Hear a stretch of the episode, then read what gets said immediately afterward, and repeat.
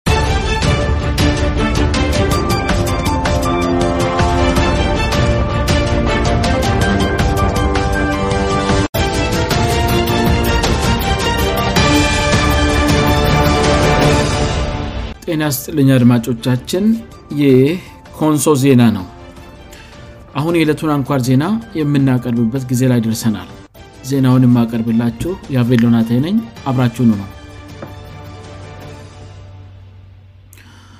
አርስ ዜናዎቹን በማስቀደም የዕለተ አብ ዳር 24 ቀን 214 አም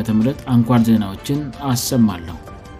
በኮንሶ ዞን ምክር ቤት የኢኮኖሚ ጉዳዮች ቋሚ ኮሚቴ በኦዲት ግኝቶች ዙሪያ በቀረበለት ሪፖርት ላይ ተወያየ ፌዴራል ፖሊስ በቦል ዓለም አቀፍ አየር ጣቢያ አደገኛ እጽ አዘባባሪዎችን በቁጥጥር ስር አዋለ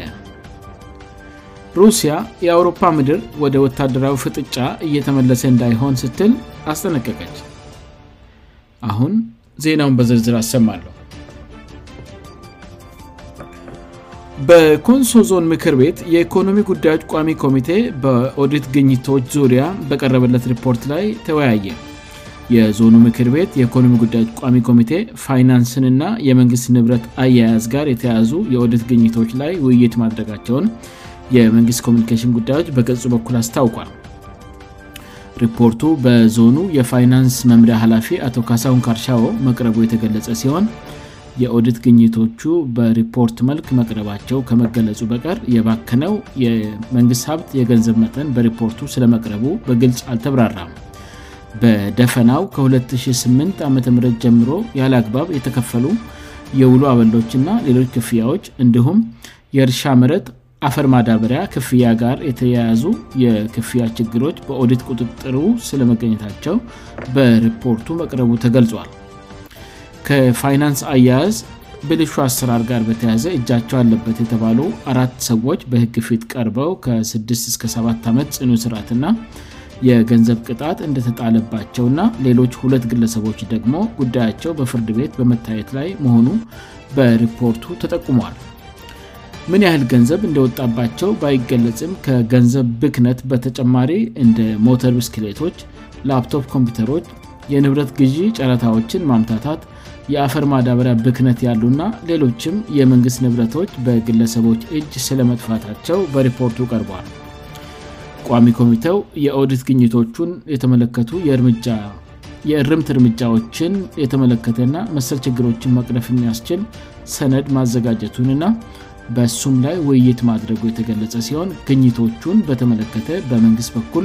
በአጀንዳ መልክ ተይዞ ንብረቶቹን የማስመለስ ስራም እንደሚሰራ በኮሚቴው ውይይት ተገልጿል መሰል ችግሮችን ለመቅረፍ የሚያስችል የተሻሻለ ሰነድ ከዚህ ከሄዳር ወር 2014 ዓም ጀምሮ ወደ ስራ መግባቱም ተገልጿል አድማጮቻችንና የዝግጅታችን ተከታታዮች በዚህ ርሰ ጉዳይ በቀጣይ ሳምንትም ዝርዝር ጉዳዩን አጣርተን የምንመለስበት ይሆናል በሌላ ዜና በከና ወረዳ አንድ 358 ሰዎችን ያካተተ የአካባቢን ጸጥታ የሚያስከብር የህዝባዊ ሰራዊት አደረጃጀት መዘርጋቱን የወረዳው ኮሚኒኬሽን አስታውቋል ህዝባዊ ሰራዊቱ የአገሪቱን ወቅታዊ ሁኔታ ከግምት ያስገባ መሆኑን ጽህፈት ቤቱ የወረዳው አስተዳዳሪ አቶ ደመላ ኮንዲሽን ጠቅሶ ገልጿል ሰራዊቱ የተደራጀው በ20ቃ ስር ነው ተብሏል ይሁንና የህዝብ ሰራዊቱ አደረጃጀት በአንዳንዶች ዘንድ ጥያቄን አስነስተዋል በኮንሶ ዞኗ የከና ወረዳ በሰመን የኢትዮጵያ አካባቢዎች ያለ አይነት የጥታ ችግር በሌለበት ሁኔታ የጥታ ችግር እንዳለባቸው አካባቢዎች አይነት ህዝባዊ ሰራዊት ማደራጀት በማህበረሰቡ ላይ ግርታን የሚፈጥር የአካባቢን ነባራዊ ሁኔታ ከግምት ያላስገባና በደፈናው አገራ አቀፍ ሁኔታን ያልአውድ ተግባራዊ ያደረገ ነው በአገራ አቀፍ ደረጃ በሚሆኑ ክሰቶች የራሳችንን ሚና ለመጫወት የግዴታ ሁሉንም ነገር እንደወረደ ተግባራዊ ማድረግ ሳይሆን የአካባቢያችንን ነባራዊ ሁኔታና አውድ ከግምት ያስገቡ ተግባራት በአመራሮቻችን በኩል ልደረጉ ይገባል በሌላ በኩል የጠቅላይ ሚኒስትር ዶር አብይ አህመድ ጥርኝ ተከትሎ 71 ሰዎች ከከና ወረዳ ወደ ጦር ግንባን ለመዝመት መመዝገባቸውንና በቀጣይ የጤና ምርመራ አድርገው እንደሚዘምቱም የኮሚኒኬሽን ጽፈት ቤቱ መረጃ መለክታል ይህ ኮንሶ ዜና ነው ፌደራል ፖሊስ በቦሌ አለም አቀፍ አየር ጣቢያ አደገኛ እጽ አዘዋዋሪዎችን በቁጥጥር ስር አዋሊያ ፌደራል ፖሊስ በቦሌ አለም አቀፍ ኤርፖርት ከብራዚል የተነሱ አደገኛ እጽ አዘዋዋሪያዎችን በቁጥጥር ስር አውሏል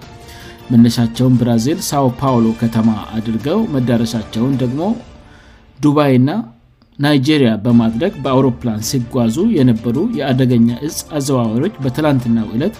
በኢትዮጵያ የፈደራል ፖሊስ አባላት በቁጥጥር ስር መዋላቸውን ፖሊስ ኮሚሽኑ ገልጿል የአደገኛ እጽ አዘዋዋሪዎቹ ሁለት ናይጄሪያውያን ና አንዲት ሴት ብራዚላዊት ሲሆኑ በቦሌ ዓለምቀፍ አውሮፕላን ማረፊያ በተደረገባቸው ፍተሻ እጅ ከፍንጭ መያዛቸውን ኢንስፔክተር አዲሱ ባላሚ ገልጸዋል ግለሰቦቹ አደገኛ ይፁን በውስጣዊ የሻንጣ አካል በመደበቅና ውጠው በሆዳቸው በመያዝ ለማሳለፍ ሙከራ ቢያደርጉም በፌደራል ፖሊስ ፍተሻ በቁጥጥር ስር ውለዋል በቁጥጥር ስር ከዋሉት ሦስት የአደገኛ ይፅ አዘባባሪዎቹ መካከል በብራዚል አዊቷ ላይ በተደረገ ፍተሻ ከ13 ኪሎግራም በላይ የሚመዝን 666 ጥቅ ልፍሬና በዱቀት መልክ የተዘጋጀ ከ17 ኪግራም በላይ የሚመዝን 11 እሽግ ኮካይን የተሰኘ አደገኛ እጽ በሻንጣዋ ይዛ መገኘቷን ፖሊስ አረጋግጧል ሁለቱ ናይጄሪያውያን አደገኛ እፁን በወዳቸው ይዘው ሊያዘዋውሩ እንደሚችሉ በመጠራጠር በፌደራል ፖሊስ ሆስፒታል በተደረገላቸው የኤክስሬ ምርመራ የተገኘባቸው ሲሆን 1650 ግራም የሚመዝን 83 ፍሬ ኮኬይን ከሆዳቸው እንዲወጣ መደረጉ ተገልጿል ግለሰቦቹ ሰዎችን ለወንጀል የሚያነሳሳ በመሆኑ እንዳይዘዋወር እንዳይመረትና በጥቅም ላይ እንዳይውል በህግ የተከለከለ አደገኛ እጽ ይዘው ሳዘዋውሩ በመገኘታቸው የኢትዮጵያ ፌደራል ፖሊስ በአሁኑ ወቅት ግለሰቦቹን በቁጥጥር ስር በማዋል ተጨማሪ ምርመራ እያካሄደባቸው መሆኑ ታውቋል ይህ ኮንሶ ዜና ነው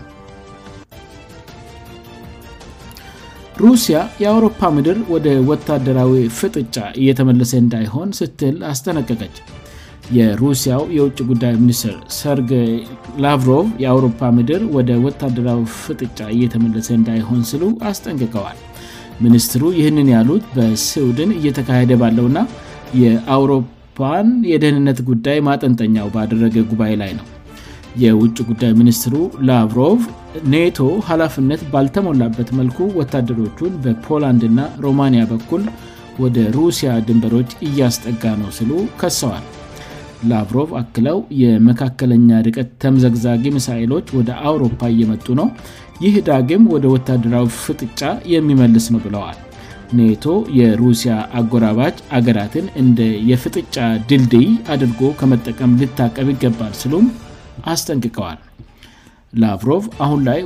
ወደ ወታደራዊ ፍጥጫ ማቅናቱ ሊሆንና ሊታሰብ የማይችል ቅሸት ነው ስሎም ነው የተደመጡት ሚኒስትሩ የሰሜን አትላንቲክ ቃልኪዳን ወይም ስምምነት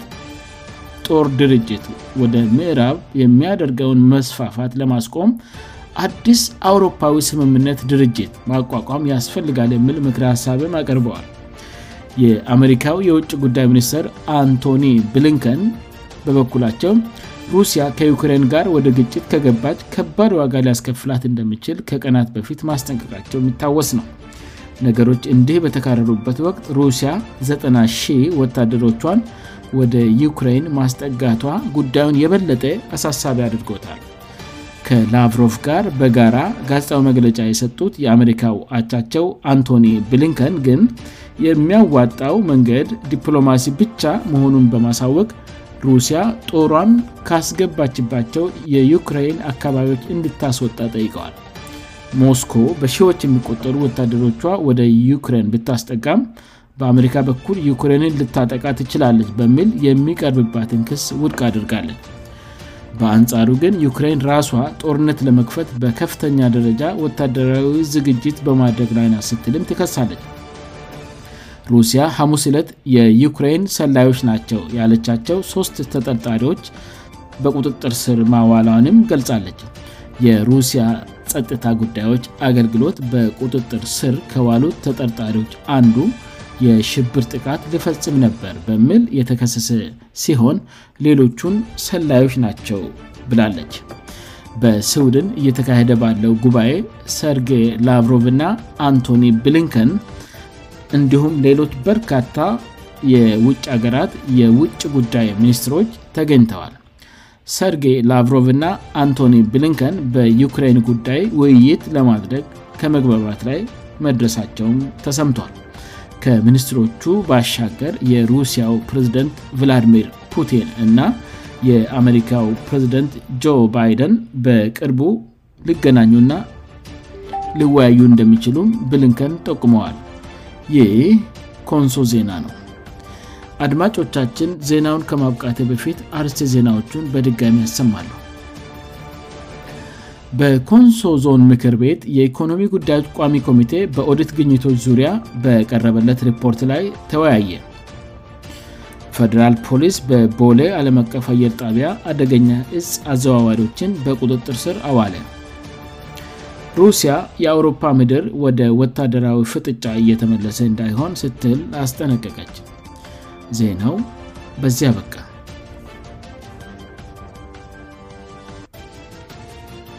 አድማጮቻችን የዕለቱ አንኳር ዜናዎቻችን ይህን ይመስሉ ነበር ስላዳመጣችሁን እናመሰግናለን የሳምንቱ የዜና ስርጭት መርሃግብራችንም በዚህ መፈጸሙን እየገለጽም ሰኞ ማታ በተመሳሳይ ዝግጅት እስክንገናኝ በደህን አቆዩም